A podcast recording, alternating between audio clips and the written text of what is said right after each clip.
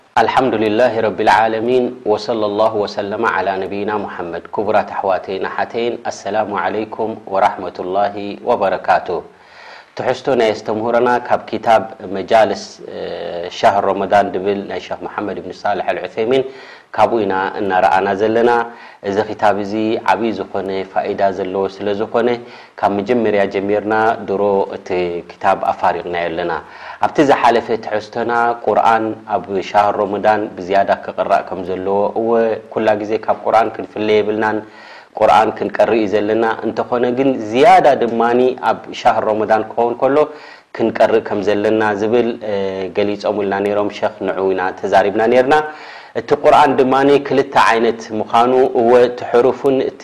ኣቀራርኡን ጽቡቅ ጌርካ ክቅራእ ከም ደሎዎን ብዝዓበየ ድማ ኣብ ተግባር ክውዕል ከም ዘለዎ ድብል ኣብኡ ኢና ዘለና ማለት እዩ እቲ ኣብ ተግባር ዘየውዕሎ እንተ ኮይኑ ነቲ ቁርኣን ድነጸጎ ሰብ እንተ ኮይኑ እንታይ ዓይነት መቅጻዕትን ኣብ ኣዱንያን ኣብ ኣኼራን ከም ዘለዎ ብቁርኣን ዝተደገፈ መርትዖታት ኣብ ዝሓለፈ ርኢና ማለት እዩ። ሎሚ ድማ ንዕኡ መቐጸልታ ማለት እዩ እዚ ቁርኣን እዚ እንተድኣ ሒዝካዮ ኣብ መንገዲ ቅንዕናን ኣብ መንገዲ ርሕሰትን ከም ዘእቱ ብዛዕብኡ ዝምልከት ነብይና ሙሓመድ ዓለይሂ ሰላቱ ወሰላም ኸጠበ ናስ ፊ ሓጀቲል ወዳዕ ኣብ ሓጀቲል ወዳዕ ኹጥባ ገይሮም ኣነቢ ዓለይሂ ሰላቱ ወሰላም ናይ መፋነዊ ኹጥባ ተባሂላ ትፍለጥ ማለት እዩ ፈቃል ኣነቢ ዓለይሂ ሰላቱ ወሰላም ጠብዓን ሓጀቱል ወዳዕ እስልምና ዝያዳ ካብ ማለት ኣብ መካ ከለዉ ዝሽገሩን ዝፅገሙን ዝነበሩ ሕጂ እነሀልካ ፍትሒ መካ ኮይኑ እስልምና ኣብ ኩሉ ተዘርጊሑ ኣብዚ ግዜ እዚ ኣነቢ ዓለይሂ ሰላቱ ወሰላም ኢሎም ኢነ ሸይጣን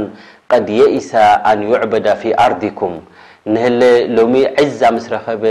ክብረት ምስ ረኸበ እቲ እስልምና ሸይጣን ተስፋ ቆሪጹ ኣብዚ መሬት ዓረብ ስኒ ድገዛኣኒ ድግዛኣኒ የለን ኢሉ ተስፋ ቆሪጹ ወላኪን ረድያ ኣን ዩጣዓ ፊማ ሲዋ ዛሊክ ሚማ ተሓቀሩና ሚን ኣዕማሊኩም ፋሕዘሩ ኢሎም ግን ተስፋ ኣይቆርጽን እዩ ሸይጣን እወ ድግዝኣኒ እኮ ተዘይረኸብኩ ኢሉ እቲ ንስኻትኩም እዝስ ንእሽተይ እዩ እዚ ድኣ እንታይ ኣለዎ ትብልዎ ዘንብታት ኣብኡ ክቃለስ ማለት ፕሮግራሙ ኣውጺኡ ሃቂኑ ይብሉ ነብይና ሙሓመድ ዓለይሂ ሰላቱ ወሰላም ድሓር ኣስዕብ ኣቢሎም ኢሎም ኢኒ ተረክቱ ፊኩም ማ ኢን ተመሰክቱም ቢሂ ፈለን ተድሉ ኣበዳ ክልተ ነገራት ገዲፈልኩም ኣለኹ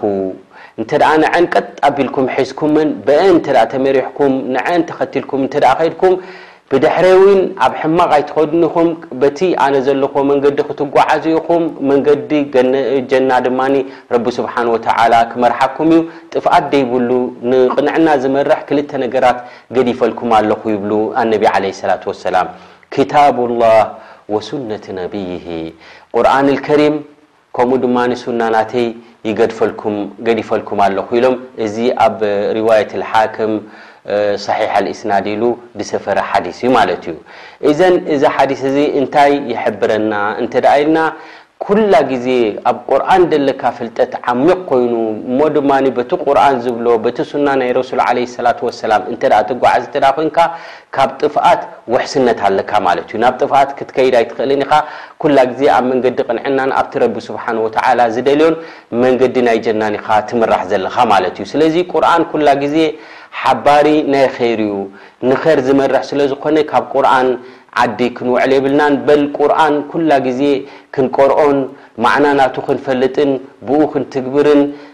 እዩ ዝግብኣና ማለት እዩ። ምኽንያቱ ቁርኣን ነብይና ሙሓመድ ዓለይሂ ሰላቱ ወሰላም ፊ ሪዋየት ሙስሊም ወትርሚዚ እንታይ ይብሉ ኣልቁርኣን ሑጀቱን ለካ ኣው ዓለይክ እዚ ቁርኣን እዚ ፅባሕ ንግሆ ንዓኻ ክካትዓልካ እዩ ወይ ድማ ንዓኻ ክካትዓካ እዩ እንተ ብኡ ትሰርሕ እንተ ኔርካ ኮንካ ነቲ ቁርን ጽቡቅ ጌርካ ትቀርኦን ብኡ ትምራሕን እንተ ኔርካ ኮንካ ጽባሕ ንግሆ እዚ ቁርን እዚ ክካታዓልካ እዩ ክማጎተልካ እዩ ንጀና ክትወካ እዩ እንተ ነዚ ቁርን እዚ ነጺካዮ ዘይትክተሎ እንተ ኔርካ እንተ ኮንካ ነቶም ቁርን ጌሮም ዝሰርሑ ድማ ትጻረን እንተ ኔርካ ድማ ጽባሕ ንግሆ ክማጎተካ እዩ ንመንገዲ ጀሃነም ንጀሃነም ከእቱ ከብ ትኣቱ ክገብረካ እዩ ምኽንያቱ እዚ ቁርኣን እዚ ሑጃ እዩ ሞርቶዖ እዩ ማለት እዩ እንተ ንዑኡ ተጠቂምካ ብኡ እንተ ሰሪሕካ ንጀና እዩ ዝመርሓካ ንዑኡ ነጺካዮ እንተ ከድካ ድማ ናብ ካሊእ እንተ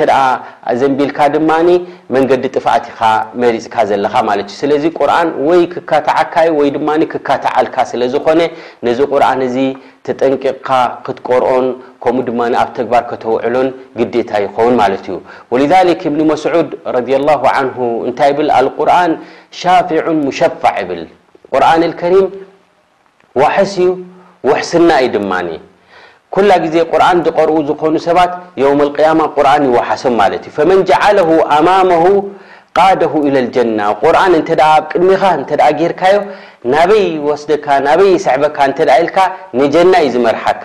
ወመን ጀዓለሁ ኸልፈ ዛህሪሂ እንተ ንድሕሪ ሕቆኻ ሂብካዮ እንተ ከድካ ድማ ሳቀሁ ኢለ ናር ናብ ሓዊ ጀሃነም እዩ ዝጎተካ ማለት እዩ ስለዚ እንታይ ኢኻ ክትከውን ዘለካ ማለት እዩ ቁርን ብቁርን ኢኻ ክትምራሕ ዘለካ ቁርን እንተ ነፂግካዮ ከድካ ሕቆኻ እንተ ሂብካዮ ከድካ ግን ናብ ምንታይ ኢኻ ትምራሕ ዘለኻ ማለት እዩ ናብ ጀሃነም መንገዲ ኢኻ ሒዝካ ዘለኻ ስለዚ ቁርኣን ኣልከሪም ሓቀ ቲላዋ ብግቡእ ጌርካ ክትቀርኦን ብኡ ክትከይድን እዚ ናይ ኩሉ ኣስላማይ ሓላፍነት እዩ ማለት እዩ እዚ ቁርኣን እዚ ክትቀርኦ ከለኻ ኣዳብ ኣለዎ ነዚ ቁርኣን እዚ ማለት ክቐርኦ'የ ኢልካ ኣብ ትዳለወሉ ግዜ ከም ዝኾነ ክታብቲ ኣይኮነን፣ ፍሉይ ነገር ስለ ዝኾነ ኣዳብ ኣሎ፣ ዑለማእ ዝጠቐስዎ ክማላእ ዘለዎ፣ ከምኡ'ውን ረሱል ሰለላሁ ዓለይሂ ወሰለም ዝሓበሩና ማለት እዩ። ምኽንያቱ እዚ ቁርኣን እዚ ኑር ሙቢን እዩ፣ ብርሃን ዝኾነ ጸላም ዘይብሉ ቀትሩ ምስ መዓልቱ ዝበርህ ዝኾነ ስለ ዝኾነ ነዚ ቁርኣን እዚ ክትቀርኦ እንከለኻ ክትማልኦ ዘለካ ነገር ኣሎ ማለት እዩ ምኽንያቱ ቁርኣን ካብ ረቢ ስብሓን ወተዓላ ናብ ጅብሪል ጅብሪል ድማ ናብ ረሱል ሰለ ላሁ ዓለይሂ ወሰለም ዘመሓላለፎ ከላሙላህ ስለ ዝኾነ ቃል ናይ ረቢ ስብሓን ወተዓላ ብሊሳኒን ዓረቢይን ሙቢን ግልፂ ዝኾነ ዋድሕ ዝኾነ ዘደናግር ዘይብሉ እዚ ቁርኣን እዚ ዝወረደ ነዚ ክትቀርኦ ከለኻ ታዕዚም ክትገብረሉ ኣለካ ክብረት ክትህቦ ኣለካ ማለት እዩ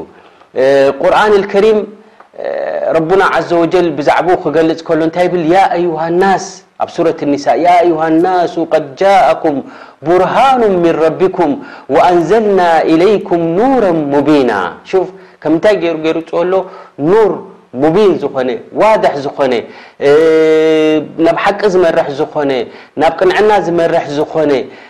ዓብይ መርትዖ ዝኾነ ኢና ኣውሪድናልኩም ዘለና ስለዚ ኦ ደቂ ሰባት ነዚ ቁርኣን እዚ ተኸተሉ ኢኹም ድሕነት እንተ ትደልዩ ኮይንኩም ቀድ ጃኣኩም ሚነላሂ ኑሩን ወኪታቡን ሙቢን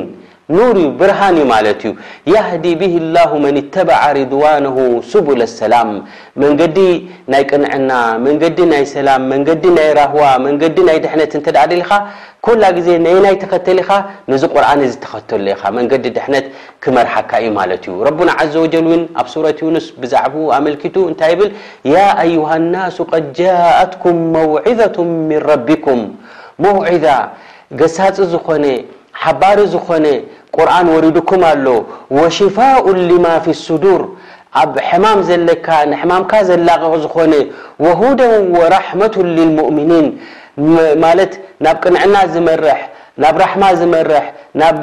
ዓወት ዝመርሕ ዝኾነ ቁርኣን ንሀልኩም ወሪዱ ኣሎ ኦ ደቂ ሰባት ነዚ ቁርኣን እዚ ተኸተሉ ይብር ረቡና ዓዘ ወጀል። ኣብ ካሊእ ኣያ እውን ኣብ ሱረት ኣልፉርቃን ረቡና ዓዘ ወጀል እንታይ ኢሉ ተባረከ ለዚ ነዘለ ኣልፉርቃነ ዓላ ዓብድሂ ኣልፉርቃን ኣለዚ ዩፈሪቁ በይነ ኣልሓቂ ወልባጥል ኣየናይ መንገዲ ጥፍኣት ኣየናይ መንገዲ ጀሃነም ኣየናይ መንገዲ ቅንዕና ኣየናይ መንገዲ ጀና ነዚ ኩሉ እዚ ዘብርህ ዝኾነ ናልኩም ቁርኣን ኣሎ ልየኩና ልልዓለሚና ነዚራ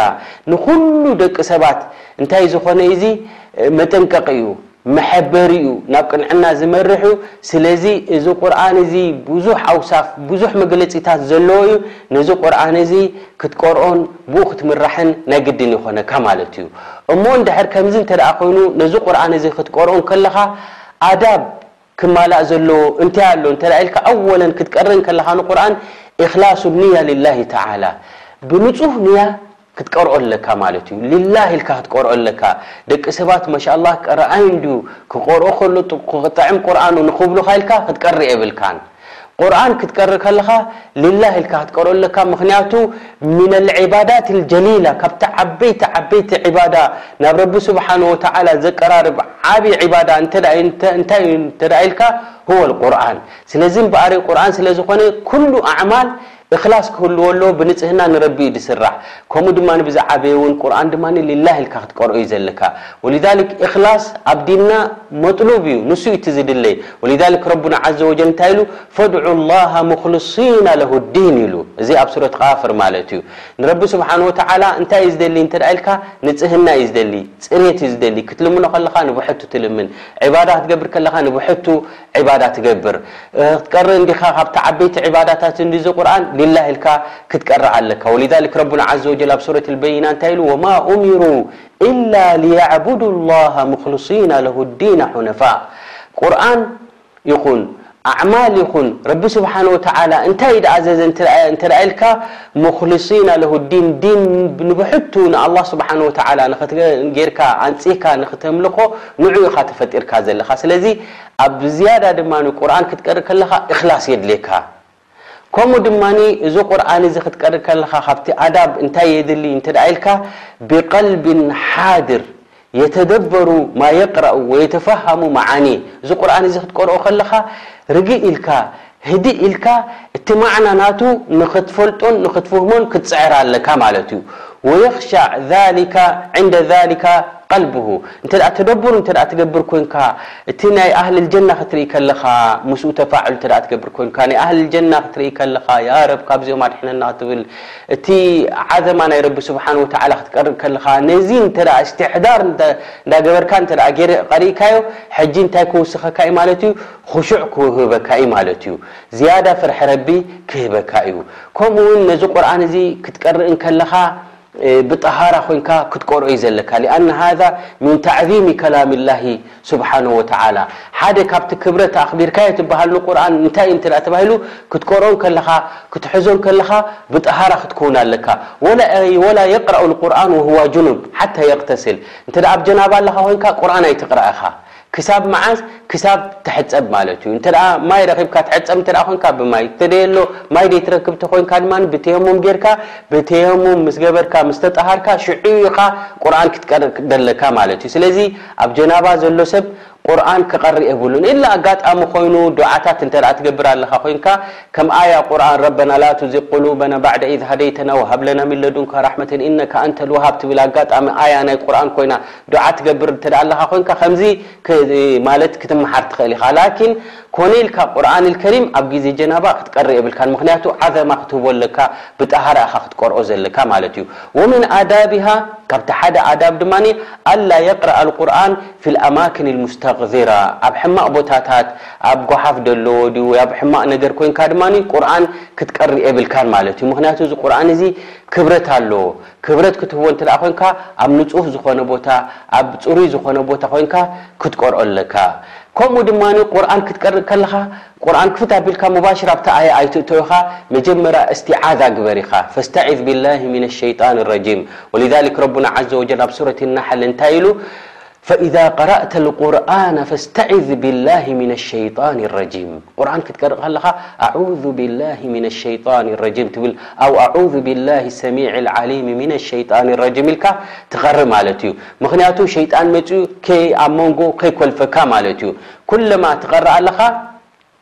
ኣብ መንጎ ኣያ እንተ ትጅምር ኣለኻ ኮይንካ ኣዑዙቢላሂ ሚነሸይጣን ረጂም ኢልካ ትቀርእ። ካብ መጀመርያ እንተ ትቀርእ ኣለኻ ኮይንካ ኣዑዙቢላሂ ሚነሸይጣን ረጂም ኢልካ ቢስሚላሂ ራህማን ራሒም ኢልካ ቁርኣንካ ትቀርእ ማለት እዩ። እንተ ኣብ ውሽጢ ከፊትካ ኣብ ማእከል ሱራ እንተ ትቀርእ ኣለኻ ኮይንካ ግን ተተዓወዝ። በስመላ ኣይትብልን ኢኻ ቢስሚላሂ ራህማን ራሒም ኩላ ግዜ ኣብ ምንታይ ቦታኣ እንተ ኢልካ ኣብቲ ናይ መጀመርያ ፈለማ ኣየ ሱራ ክትጅምር እንከለኻ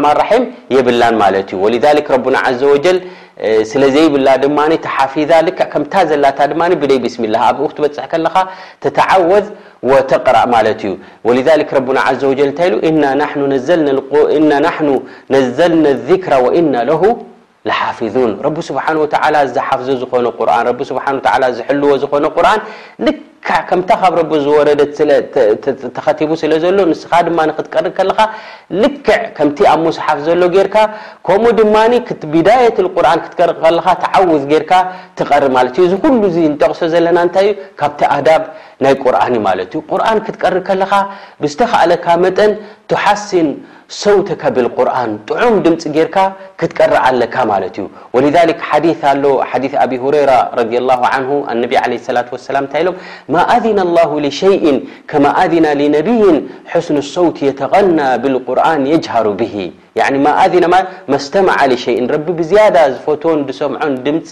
እቶም ኣንብያ ክቐርኡዎ እንከለዉ ኣንብያ ብኩሉ እኽላስ ብኩሉ ንጽህና ብኢማን ስለ ዝቐርኡዎ ናይዚኣቶም ዝተፈተወ ድምጺ እዩ ናብ ረቢ ስብሓን ወተዓላ ከምኡ ድማ ብዝያዳ ረቢ ስብሓን ወተዓላ ዝሰምዖ ድምጺ እዚ ኢሉ ሕስኑ ሶት ደለዎ ጥዑም ድምጺ ደለዎ የጅሃሩ ብሂ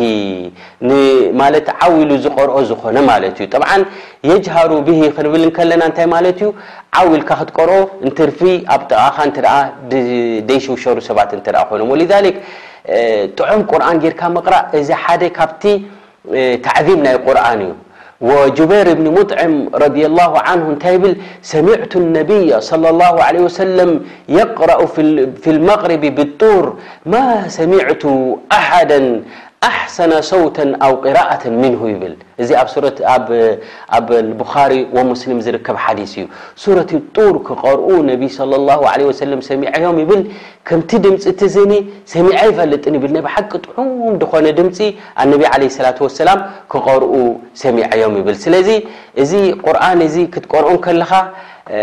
ብጠሃራ ብሕስኑ ሶት ክብረት ሂብካ ኢኻ ክትቀርእ ዘለካ ማለት እዩ። እንተ ደኣ ኣብ መስጊድ ኮይንካ ትቀርእ ዘለኻ እሞ ድማ ሰባት ድማ ኣብ ጥቓኻ እንተ ደኣ ኣለዉ ኮይኖም እንታይ ክትገብር ኣለካ ብትሕት ድበለ ድምጺ ብጥዑም ድኾነ ድምጺ እውን ክትቀርእ ኣለካ ምኽንያቱ ኣብቲ ጥቓኻ ዘለዉ ሰባት ንኸይትሽውሽሮም ማለት እዩ ወሊዛሊክ ኣብ ሪዋየት ኣሕመድ ወማሊክ እንታይ ይብሉ ነቢ ዓለይሂ ሰላቱ ወሰላም ኢነ ልሙሰሊ ዩናጂ ረበሁ ፈልየንዙር ቢማ ዩናጂሂ ብሂ ወላ የጅሃር ባዕዱኩም ዓላ ባዕድን ፊ ልቁርኣን ሓደ ሰብ ክቀርእ እንከሎ ምስ ረቢ ስብሓን ወተዓላ እዩ ሙናጃት ዝገብር ዘሎ ሙናጃት ቀሪብካ ትዛረቦ ሕሹኽ ኢልካ ተዛረቦ እዚ ሙናጃት ይበሃል ማለት እዩ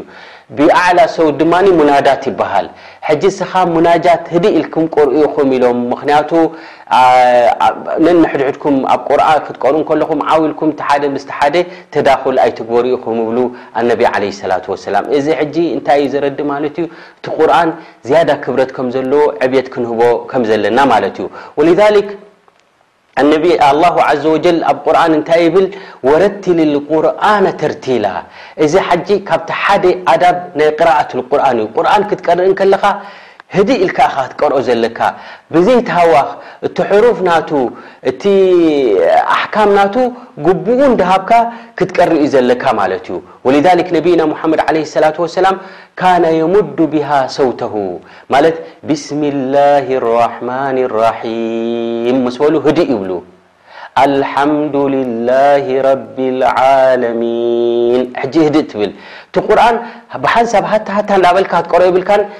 ህድእ ህድእ እንዳበልካ ክትቀሪ እዩ ዘለካ ማለት እዩ ወሊዛሊክ እዚ እቲ ቂራኣ ናይ ረሱል ዓለይሂ ሰላቱ ወሰላም ዝነበረ እምበኣሪ እብኒ መስዑድ እውን እንታይ ይብል ላተንስሩሁ ነስረ ረመል ይብል ከምዚ ሑፃ ገለ ፋሕ ተብሎ ብሓንሳብ ከምኡ ፋሕ እንዳበልኩም ኣይትቅርኡዎ ህድእ ኢልኩም ቅርኡዎ ኢኹም ቂፉ ዕንደ ዓጃኢብሂ ዝገርም ነገር ክትርኢ ከለኻ ትደብር ግበር ኢኻ ውሓሪኩ ብሂ ልቁሉብ ወላ የኩን ሃሙ ኣሓዲኩም ኣኺሩ ሱራ ኣነ ኣብቲ ኣኽር ሱራ በጺሐ ኣለኹ ኣነ ኾቲመ ኣለኹ ጥራሕ ዘይኮነ